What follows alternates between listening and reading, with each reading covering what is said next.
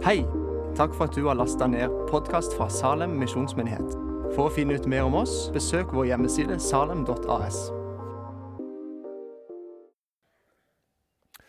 Vi skal eh, eh, Det handler jo om eh, livet i ånden. Og det er ikke noe uvesentlig tema. Egentlig kan vi ikke overdrive betydningen av Den hellige ånd i livene våre og i menigheten. For vi er i alle ting helt avhengig av Han. Da engelen kom til Maria vet du, og sa at du skal bli med barn og føde Jesus, så sier hun hvordan skal det gå til? Og Da svarer engelen Den hellige ånd. Den hellige ånd skal komme over deg, og den høyestes kraft skal overskygge deg. Og Sånn er det også eh, i våre liv. Vi kan ha mange spørsmål, vi også. Vi kan spørre Gud hvordan. Og så svarer han Den hellige ånd skal komme over deg. Den høyestes kraft skal overskygge deg. Det er liksom svaret på så mange spørsmål, så det er veldig viktig. Så Nå skal vi lese litt ifra hvordan Jesus opplevde Den hellige ånd i sitt liv, eh, slik det er beskrevet i Lukas 3 og Lukas 4.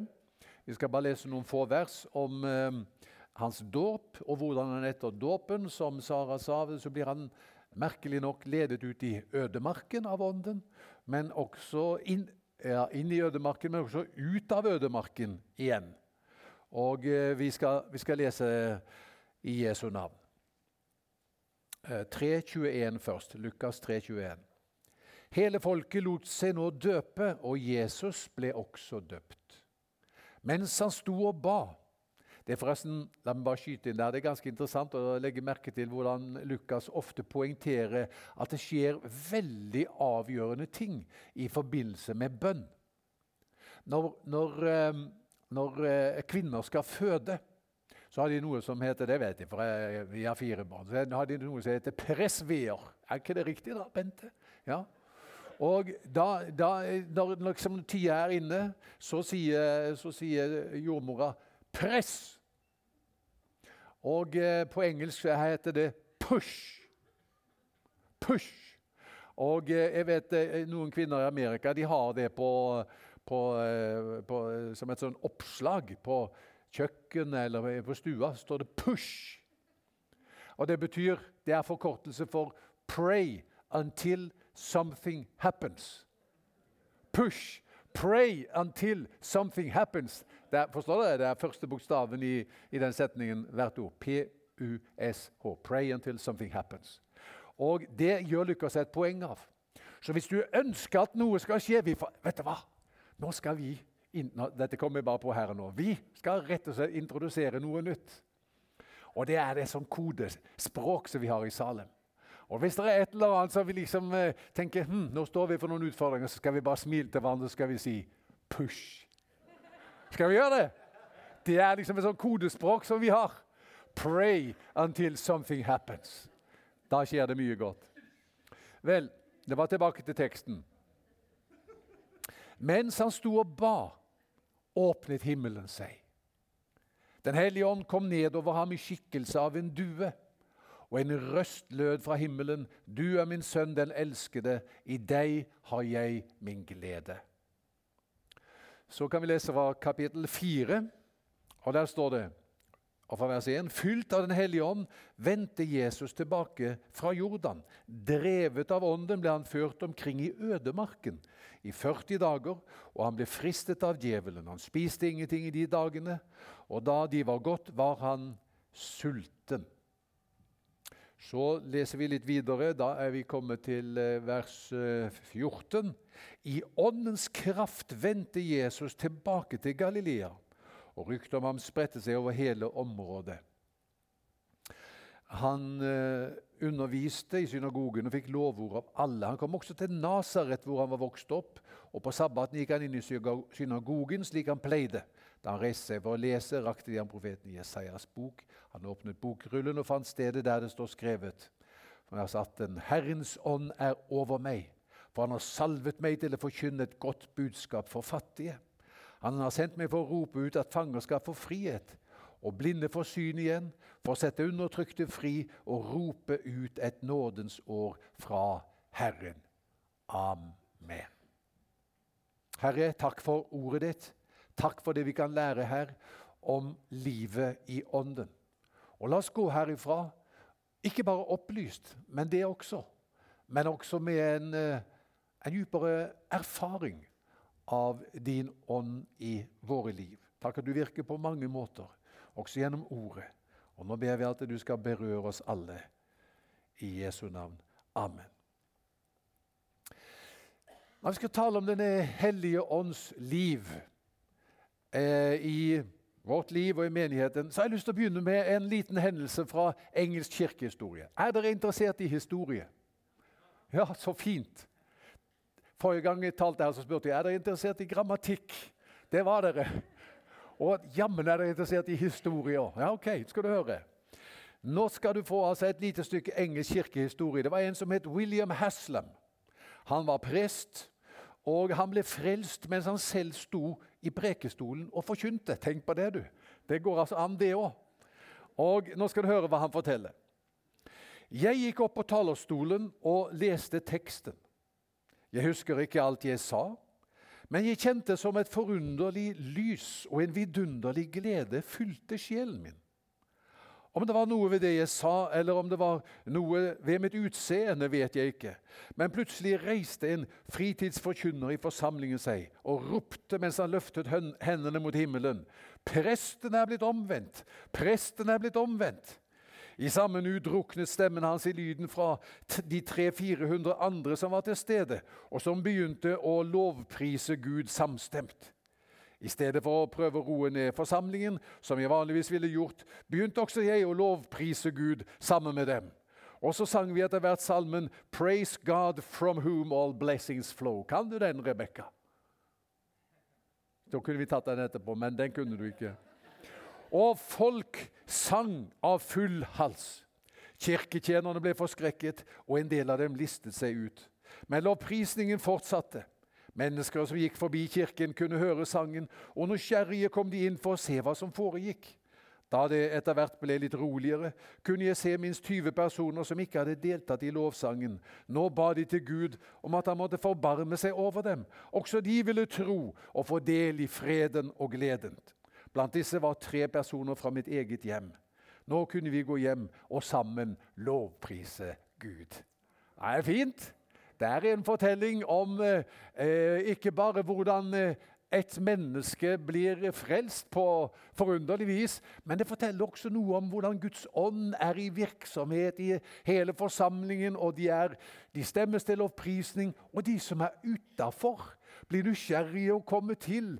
Og de som enda ikke har fått del i dette livet og denne gleden, de ber Herre, må du møte meg også. Dette er et verk av Den hellige ånd. Så vi er helt avhengig av Ånden. Hvis Jesus var avhengig av det, han er Guds sønn, tredje person i guddommen, så er vi avhengig av det. og Derfor er det en viktig bønn å be. Kom, Hellige Ånd. Ja. Hva vil du erfare når du blir fylt av Den hellige ånd? Jeg har sagt det noen ganger under denne serien at alle kristne har Den hellige ånd. Men det betyr ikke at alle er fylt av Ånden. Hva vil det si å være fylt av Ånden? Ja, Det handler om å overgi livet sitt til ham, overlate kontrollen. Hvis ikke vi har et oppriktig ønske om at eh, Jesus skal bli æret gjennom livet vårt, koste hva det koste vil, og at han må få bruke oss slik han vil, hvordan det enn er, så har vi egentlig ikke et ønske om å bli fylt av Ånden. Fordi å bli fylt av Ånden det handler om å overlate kontrollen til ham. Vi har jo en rik vekkelseshistorie i Skandinavia. Og Ved forrige århundreskifte, ved begynnelsen av 1900-tallet, så var det jo en kar som het T.B. Barrat. Han er det noen som har hørt om. Han kom, han var metodistprest, og så hadde han blitt fylt av Den hellige ånd, døpt i Den hellige ånd, uh, som de beskriver det. Og så kom han tilbake til Norge. Og det tar fyr i Kristiania, vet du. Og så er det en, eh, en kar, uh, ung svensk forkynner som eh, har hørt om dette. Han heter Levi til fornavn og Petrus til etternavn. Og eh, Han har hørt om dette, her, så han kommer til Oslo. Og så, eh, og så spør han bare kan du be for meg. Ja, det er klart jeg kan det. Jeg skal be for deg. Så sier Barat, men det er på én betingelse. Vil du bli hva som helst for Jesus? Vil du gjøre hva som helst for ham? Og gå hvor som helst for ham. Ops, tenkte den unge Levi Petrus. Jeg må ha betenkningstid. Bli hva som helst. Han så for seg hva kan det være? Gjøre hva som helst. Gå hvor som helst. Jeg tar betenkningstid, sa han. Så etter å ha tenkt seg litt om, så kommer han tilbake til Barat. Be for meg. Ja, er du klar? Jeg er klar. Så ba han for ham. Ingenting skjedde. Alt var som før. Men når han reiste hjem og begynner å holde møter, så er det ingenting som er som før. Og så vet vi at Levi Petrus han ble pinsebevegelsen i Sverige sin far. liksom, Pioneren der. Så det lå så veldig mye på det. Så, så det, det, handler altså om en overgivelse. Er vi klar til det? det? Det er jeg litt spent på. Er vi klar til det, vi som forsamling, og sier det? Her er jeg. Jeg er til din disposisjon. Ja, jeg tror vi er det. Det, det er annet, vet du hva, jeg er, så, jeg er så tillitsfull og forventningsfull. For det er et eller annet eh, som jeg føler Gud sier til meg at det, eh, han gjør i forsamlingen. Det skjer et eller annet i, på grasrotplan der folk ønsker å leve for ham, eh, koste hva det koste vil. Ok, hva, hva opplever du da, når du slik overgir det til ham og blir fylt av Den hellige ånd? Det som jeg har lyst til å si, det er at da opplever du eh, Guds kjærlighet. Det er det første. Vakrere kan du ikke bli. Det er i alle fall ikke farlig. Du opplever Guds kjærlighet. Hva leste vi? Mens han sto og ba, åpnet himmelen seg, og Den hellige ånd kom ned over ham i skikkelse av en due. Og en røst lød fra himmelen. Du er min sønn, den elskede. I deg har jeg min glede. Det var det Jesus opplevde når himmelen åpnet seg og ånden kom over ham. Det var en erfaring av Guds kjærlighet. Og vet du hva? Dette er viktig, for du kan ikke tenke på Gud Fader uten å tenke på kjærlighet. Du kan ikke tenke på Jesus uten å tenke på kjærlighet. Og du kan ikke tenke på Den hellige ånd heller uten å tenke på kjærlighet. For Gud er kjærlighet. Og Når Ånden kommer over deg, så vil du erfare hva det står i Romerbrevet 5, Guds kjærlighet er utøst i våre hjerter ved Den hellige ånd, som Han har gitt oss. Så det er en erfaring av at Gud er glad i meg, og Han er god mot meg. Og det er så viktig. Det er så avgjørende. Det er det vi dypest sett lengter etter, og som vi trenger alle sammen. Det er erfaringen av Guds betingelsesløse kjærlighet i våre liv. Noen eh, eh, vers senere så leser vi at Jesus kommer til Nasaret. Overskriften i min bibel står da 'Jesus ble avvist i Nasaret'. De forkastet ham, de ville ikke høre på ham, de ville drive ham ut for en skrent. Jeg har jo vært der nede og sett det der fjellet tror jeg, som de ville kaste ham utfor. Men da har jeg tenkt så bra at eh, ikke han levde livet sitt avhengig av andre menneskers aksept og, og lovord og skulderklapp. Men han visste 'jeg er elsket av far'. Og når du vet det, så er du bærer av noe. Og, og liksom du, Det er ikke bare hodekunnskap. Jeg tenker så at De aller viktigste 20 cm i et menneskes liv, vet du hva det er? Kanskje du har en liten anelse når jeg eh, nevnte stikkordet hodekunnskap. Hva er de viktigste 20 cm i et menneskes liv? Ja, De er avstanden fra hodet og ned til hjertet. Det er vel ca. 20 cm. Jeg vet ikke. 25 kanskje, eller 30. Jeg vet ikke. Hvordan, hva ville du sagt? 20? Ja, noe sånt. I alle fall det er den viktigste distansen. Eh, fordi En ting er å vite det, en annen ting er å erfare det. Og det som Den hellige ånd gjør, han vitner til den ånden, og så sier han, 'Du er elsket av meg.' Ubetinget kjærlighet. Dette er for deg. Og du skjønner, vi kan føle ja, men er jeg verdig? Nå skal du huske på, på dette tidspunktet her så har Jesus enda ikke gjort et under. Han har ikke holdt noen taler, han har ikke gjort noen gode gjerninger, har ikke mettet noen enda. Dette er helt i starten av hans tjeneste. Han har ikke gjort noen gjerninger som skulle tilsi at Faderen på dette øyeblikk skulle si 'Du er min sønn, den elsker deg, det jeg har behag i'. Det skjer på startstreken. Og Sånn er det for oss òg. Du må ikke tenke at liksom, Guds kjærlighet er noe du må kvalifisere deg til, men, men det er en kjærlighet som er betingelsesløs. Så det er det første. Og vet du hva? Når jeg ber og har bedt for dette møtet, så har jeg følt at han har sagt til meg det vil jeg at ditt folk eh, skal oppleve i dag. En gang var det en president som het eh, Jimmy Carter i Amerika. Så var det et møte han skulle vært på, og så rakk han det ikke. Så, så sa han til en annen som var hans stedfortreder, at det er det viktigste som du må si til dem Tell the people that I love them. Det var en fin hilsen fra en president. Og jeg følte når jeg ba for dette møtet Jeg kom på norsk, da, men vi kan jo si det på engelsk. Tell the people that I love them. Du må si til forsamlingen i Salem de er elsket av meg. Jeg er glad i dem. Og jeg vil fylle dem med min ånd og min kjærlighet. Ok, Det er punkt én. Punkt to. Så var det ut eller inn i ødemarken. Og Det er kanskje litt rart. For at det står 'fylt av ånden', så drar Jesus eh, ut i ødemarken, og han er drevet av ånden.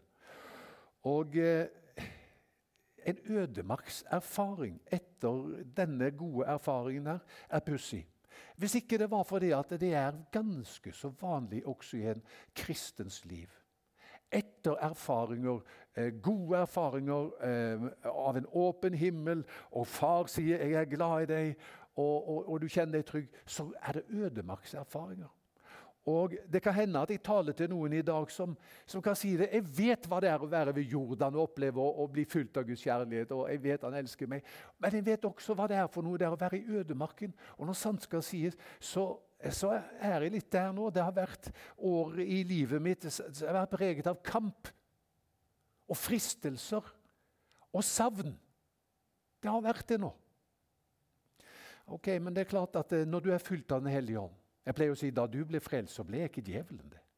Og Når du blir fylt av Den hellige ånd, så er det en motstander som også ønsker eh, flere ting. Og Det han ønsker, punkt 1, det er å ta fra deg det du har opplevd.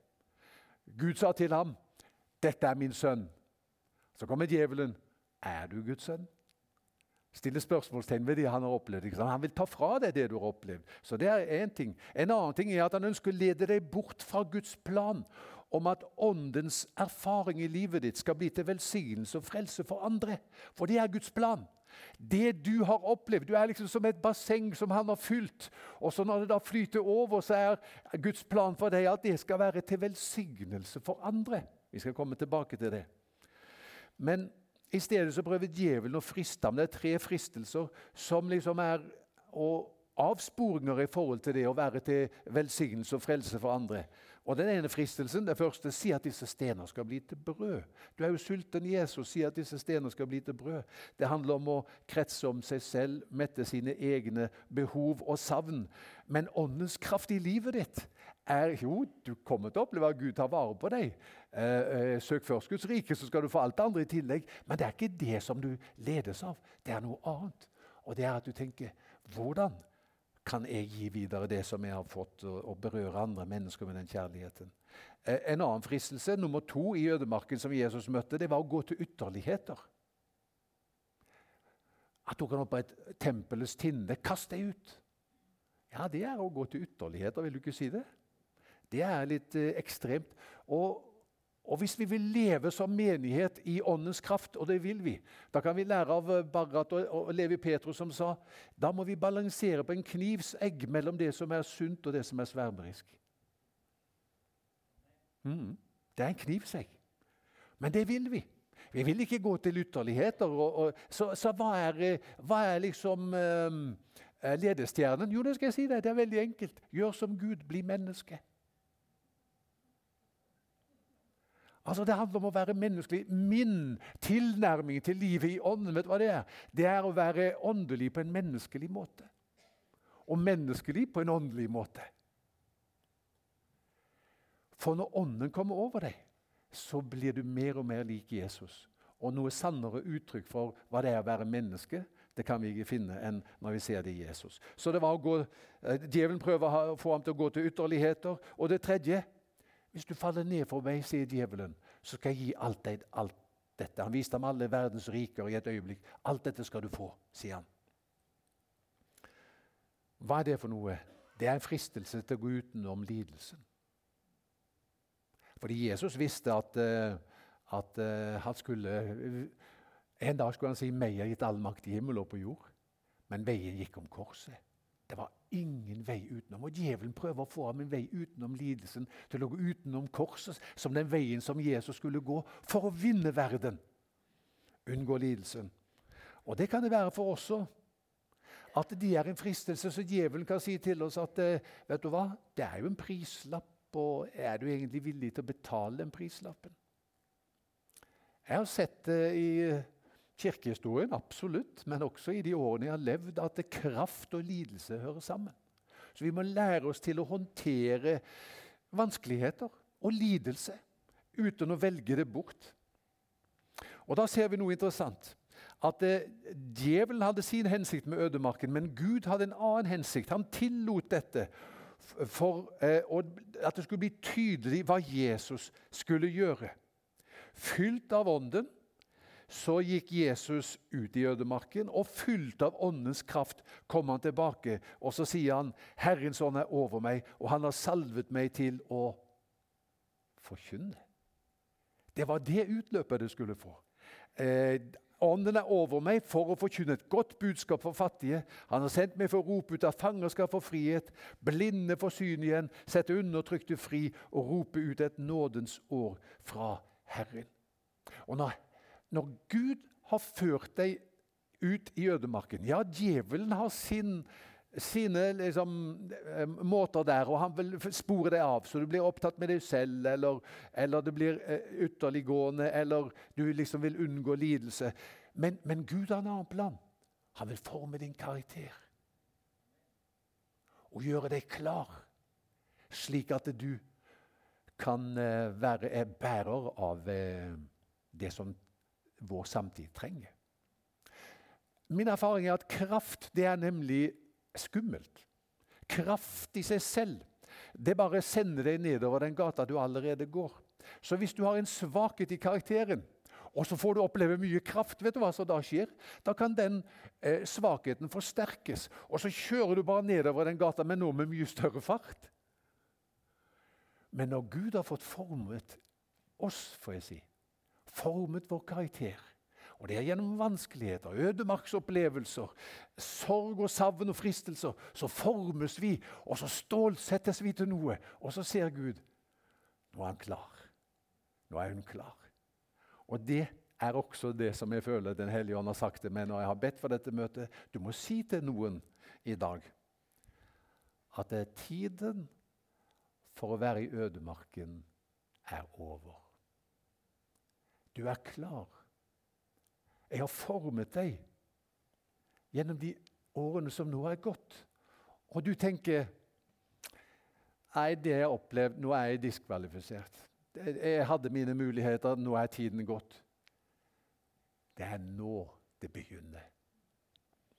Det heter i, i, eh, skal du høre, i, eh, i Salme 30, vers 6.: Om kvelden kommer gråt som gjest, om morgenen blir det frydesang. Og Det har vært en tid i ditt liv med gråt. Som jeg sa, Det har vært ødemarksopplevelse, det har vært sorg og savn, det har vært eh, fristelser. Gråt. Du vet hva det er. Gråt har kommet som gjest. Men om morgenen blir det frydesang. Og Det som jeg føler Den hellige ånd sier til noen av dere, vet du hva det er? Hør godt etter. Jeg tror han sier god morgen. Er ikke det vakkert? Han sier til deg, 'God morgen'. Det begynner en ny tid. Jesus var ikke i ødemarken for alltid. Det er ikke Guds intensjon for deg at du skal være i ødemarken for alltid. Dette er skolegang. Dette er en del av forberedelsen. Har du avlagt noen eksamener? Du skjønner? Du var ikke klar over det, at det var eksamen du var oppe i, men du har vært oppe til eksamen. Og så nå er du Nå er det neste. Nå skal du få lov å gå ut av det. Og så, Hva er hans plan med deg da? Det er at du skal få lov å bringe dette videre til andre. Herrens ånd er over meg. Han har salvet meg til å forkynne. For noen år siden så sang vi en sang. Let your glory fall in this place. Let it go forth from here to the nations. La din herlighet falle på dette sted, og la det gå herfra og ut til nasjonene. Det er intensjonen når Gud rører ved deg òg og han fyller deg med sin kjærlighet, så er det for at eh, det skal gå fra deg og ut til andre. Når Jesus sier at han er kommet for oss å rope ut et nådens år fra Herren, så er jo det et veldig vakkert uttrykk. Det er et uttrykk fra Det gamle testamentet.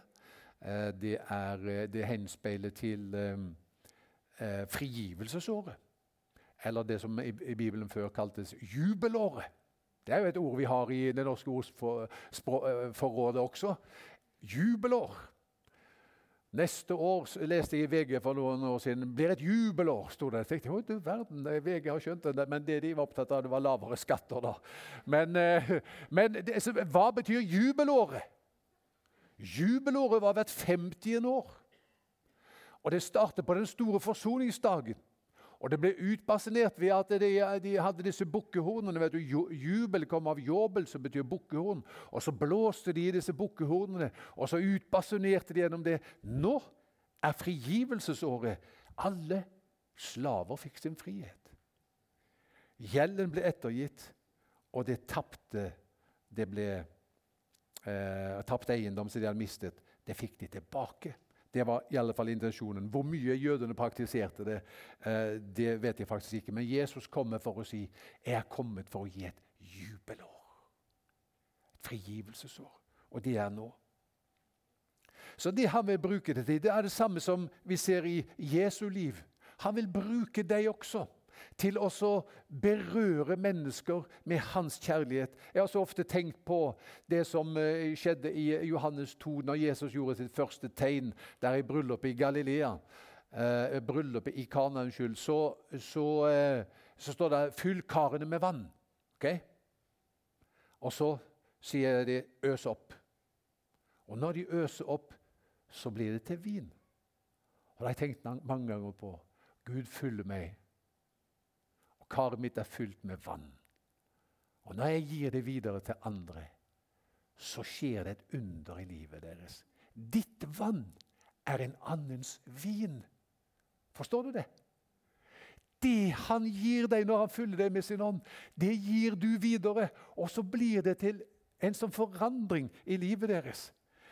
Så når Jesus møtte den blinde Bartimeus, eller overtolleren oppi morbærtreet eller kvinnen som var grepet på fersk gjerning i hor. Eller mannen som drev med selvskading og ingen rådde med ham. Eller den spedalske som var atskilt fra familien pga. sykdom. Alt dette. Så er det det som ligger i, i, det som Gud hadde som en plan for ham når, eh, når ånden kom over ham der i Jordan. Hans vann, det var vin for Bartimeus og Sakkeus og den kvinnen osv. Ser du det? Han vil bruke deg til det. La meg avslutte med en fortelling fra kirkehistorien.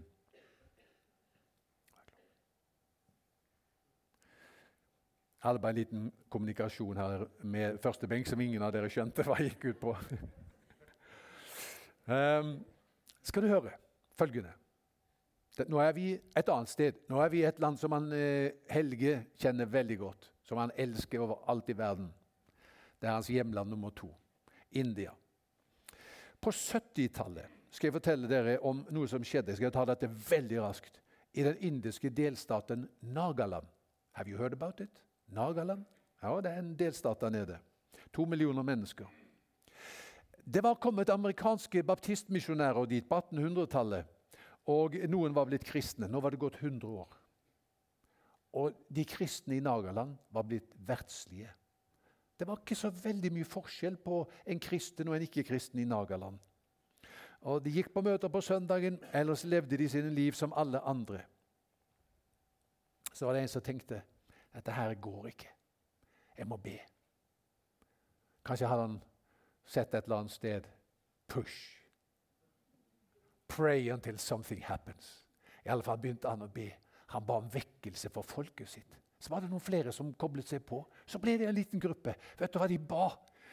Jeg tror de ba, lagde sånn bønnekjede. vet du, Da kan man jo be natt og dag. Og de ba om at noe skulle skje.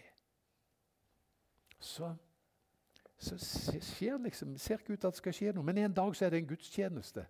Og når presten skal til å begynne gudstjenesten, så er det en som, som sitter helt bak oss, som har vært på festdagen før og enda liksom eh, er eh, i bakrus. Og så Og så kommer han frem til det, det var sånn kneleskammel eller sånn der alterring der fremme. Så kommer han ned og gråter høylytt. Og faren han er så bekymret for dette her, for at gudstjenesten skal til å begynne, så, så, han går frem faren for å ta sønnen med seg ut. Men det ender med at faren også kneler ved siden av ham, og så er det to som gråter. Så er det noen diakoner som tenker vi må hjelpe denne faren og sønnen, så de går frem for å hjelpe dem. De blir altså så overveldet av sorg og syndenød. Så nå er det både far og sønn og diakoner som ligger der framme og gråter om kapp der framme i fortvilelse over hvordan de har levd livene sine sløvt og, og, og verdslig. Og så begynner det å skje noe nede i salen. Så det er en eldre dame som reiser seg, og som roper av lungers fulle kraft. 'Jeg kan se. Jeg kan stå. Jeg kan gå.' Da revnet det i forsamlingen. De er på kne, alle mann, og de ber Herre Jesus Kristus, forbarm deg over oss. Fyll oss på nytt med din kjærlighet. Rens oss for all synd og urenhet. Gjør noe nytt i livet vårt. Så kommer lokalbefolkningen. Hvor er det det brenner? For da har de sett at det på taket så er det ildflammer som slår ut. Og Det hender av og til i kirkehistorien at vi har lest om det der, der men det er ikke noe eh, brann. Men det er Guds herlige sky, Shekina-skyen, så de kunne se. Så kommer de. Og vet du hva? Dette møtet tar jo ikke slutt. Det varer en uke, tror jeg, var, hvis det ikke var 14 dager. Natt og dag varer det møtet. Og en vekkelse begynner sånn fra 1976 til 1982. Vokste baptistkirken i Nagaland med 70 000 medlemmer. Og i dag, i befolkningen på to millioner, er 95% kristne. Tenk på det! Nagaland. Slå opp i Wikipedia og les sjøl. Der har du det. Og da bare tenker jeg push. Pray until something happens.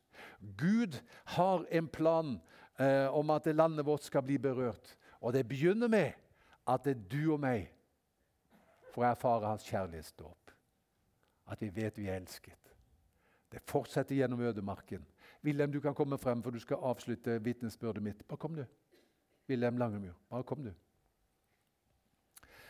Uh, Wilhelm var med meg i går uh, på, møte i, uh, på kveldsmøtet. Han satte et så veldig fint utropstegn bak det som jeg sa på møtet da. Så jeg tenkte at han kunne få lov å sette et utropstegn i dag òg.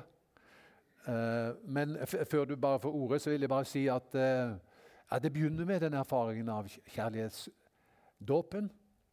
Det fortsetter i ødemarken. Hvem har fortalt deg om mitt liv? Kanskje du? Hva har du på hjertet? Skal vi se, Nå skal vi få en mikrofon av Silje.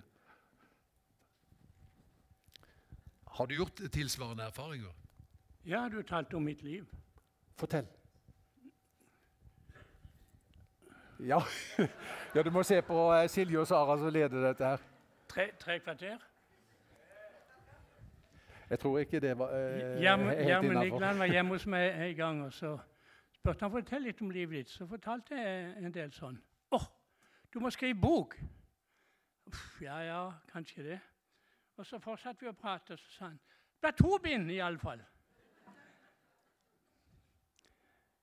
Et liv i ånden. Det er ikke noe liv uten et liv i ånden. Du kan tro på Jesus. Du kan tro på Jesus og ha det godt med Jesus. Men er det noen frukter av det i livet ditt? Da må Den hellige ånd inn. For da begynner ånden å virke gjennom det. Jesus sa til disiplene sine De hadde vært med ham i tre og et halvt år. Nå skal dere bli i byen helt til dere blir ikledd kraft til den hellige, ble døpt i Den hellige ånd. Så kan jeg gå og vitne. Hadde de ikke noe å vitne om? Jo visst. Men nei, sa han. Vent til Den hellige ånd kommer over dere. Så det er Den hellige ånd som gjør utslaget. Halleluja. Jeg har problemer. Jeg vet ikke hvor jeg skal begynne her, jeg vet ikke jeg skal slutte hen. Men i alle fall eh, Jeg ble bedt av kretssekretæren i Indremisjonen, Kjørsdal Nordahl. Det var Indremisjonen, nå er det Nordmisjonen. Om å, å kjøre han rundt. Han hadde en møte på uke på Sørdal bedehus, og så oppdaga han kanskje noe. Så han spurte om ikke jeg hadde bil og kunne kjøre han. Så slapp han å overnatte, kunne gå tilbake igjen. Så jeg jo, det kan jeg gjøre. Så. Og så var jeg med han i et par måneder, og så, så sier han at kanskje du kan eh, åpne møte i dag. Sånt. Ja, jeg kan iallfall be, sa jeg. Så, ja, så gjorde vi det. Og så kanskje du har et vitnesbyrd. Ja, og så, eh, så, gikk det sånn, og så skulle vi ha noen møter opp i, i, i Innlandet, opp fra Hornes. Og så, så satt vi der på benken. Det var lørdagskveld, det skulle være basar, og så skulle han tale på lørdagskveld. Og så sier han til meg, 'Wilhelm, i morgen skal vi ha møte klokka 11 og klokka 3. Hvilken rett vil du tale på?' Jeg? Jeg skal ikke tale. Jeg kan ikke tale. Jeg er sjåfør for deg. Nå må du høre etter. sånn. Hvilket møte vil du tale på? Klokka 11 eller klokka 3? Nå må du høre hva jeg sier. Jeg skal ikke tale i morgen. Basta! Uff, du er helt umulig, sa han. Du er helt umulig. Så gikk han opp på talerstolen, og så skulle tale, og så sier han at i morgen blir det to møter her. Ett møte klokka 11, og da taler Wilhelm Langemyr.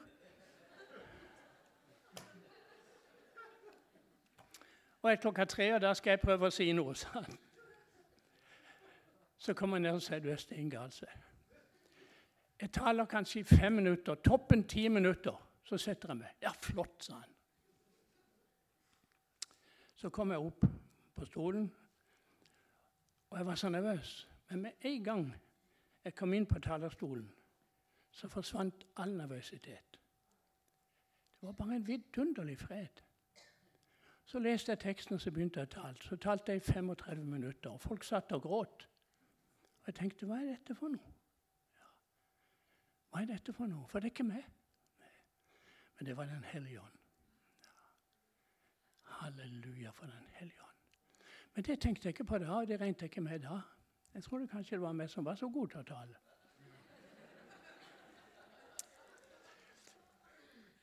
Og så når vi kom hjem fra den turen, så sier han Wilhelm, hvor lang oppsigelsestid har du? Så sier jeg jeg tror det er en måned. Jeg jobber på elektrisk utstyr. Jeg tror det er en måned, sa jeg. Si opp i morgen, sa han. Så begynner du i Indremisjonen. nei, du kan si nei. Nei, glem det. Jo, du må gjøre det, sa han. Gud har et kall på deg. Så sa jeg nei, det er ikke for meg. Jeg skal bygge hus, sa jeg. Så jeg trenger en god jobb. Indremisjonen betaler jo ikke noe særlig. Så jeg skal bygge hus, så bare, bare glem det. Men han ga seg ikke. Så det endte med at jeg bare løp ut og rett hjem. Og Det gikk seks år. Jeg kunne ikke åpne Bibelen. Jeg var så kalt av Gud. Hørte jeg på en kristen musikk, så, så var det vondt. Ja. For Den hellige ånd arbeidet med meg. Seks år.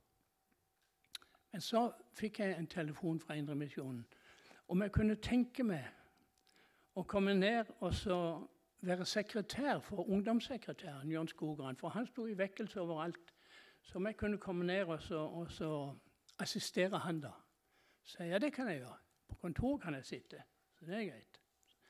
Så jeg sa opp, og så begynte jeg som sekretær for Jørn Skogran. Og så var det ikke så lenge jeg hadde holdt på, så kom han inn fra sitt kontor kom han inn til meg på mitt kontor og så sier han, du Wilhelm, jeg har fått et brev fra Evje. De skal starte en ungdomsforening der oppe. Og De skal møte fredag, lørdag og søndag. Så da må du gå opp. Så, nei, jeg går ikke til Evje. Nei, nei, nei, nei. Jeg har min jobb her på kontoret. Der er det jeg skal være. Nei, du må gå til Evje, sa han. Så send noen av de andre seg. Det var jo fire-fem andre predikanter som egentlig var uh, gamle bønder. Så de reiste om vinteren, men så var de bonde om sommeren. Vi kan ikke sende de der opp og så starte ei ungdomsforening. Det går ikke. Så jeg går ikke.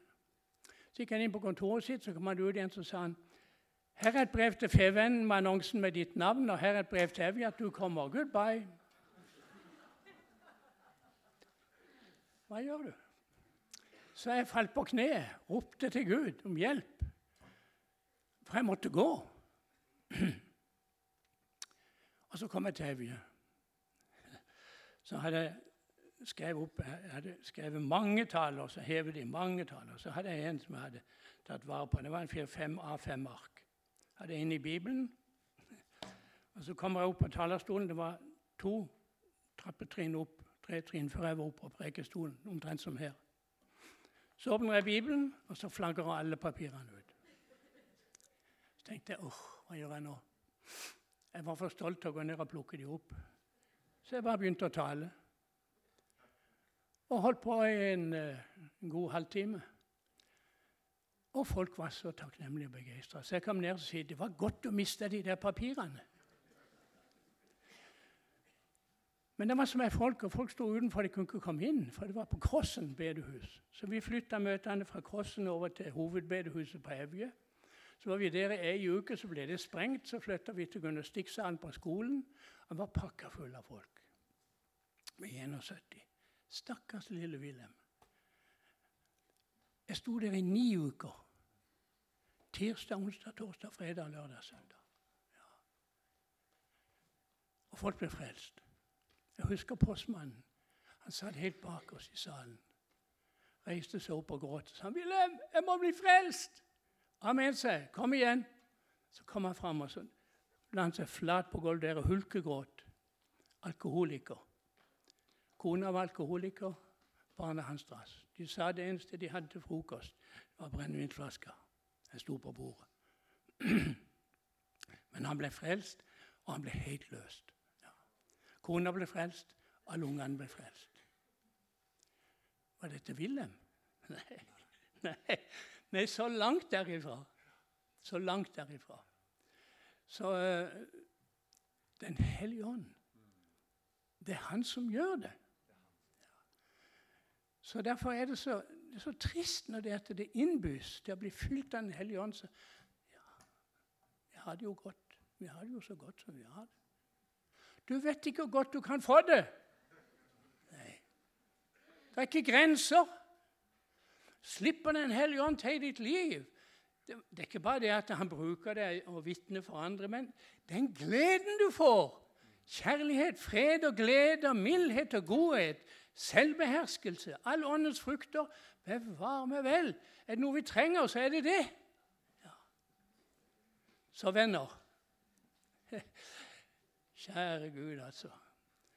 Når det innbys til å bli fylt av Den hellige ånd Du bare løper som en gal en fram her og sier 'Be for meg'. Ja. For det fins ikke noe som er så bedre. Livet er ingenting verdt uten Jesus.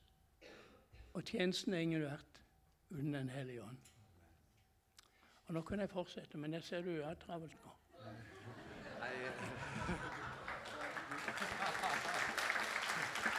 Du er nå god.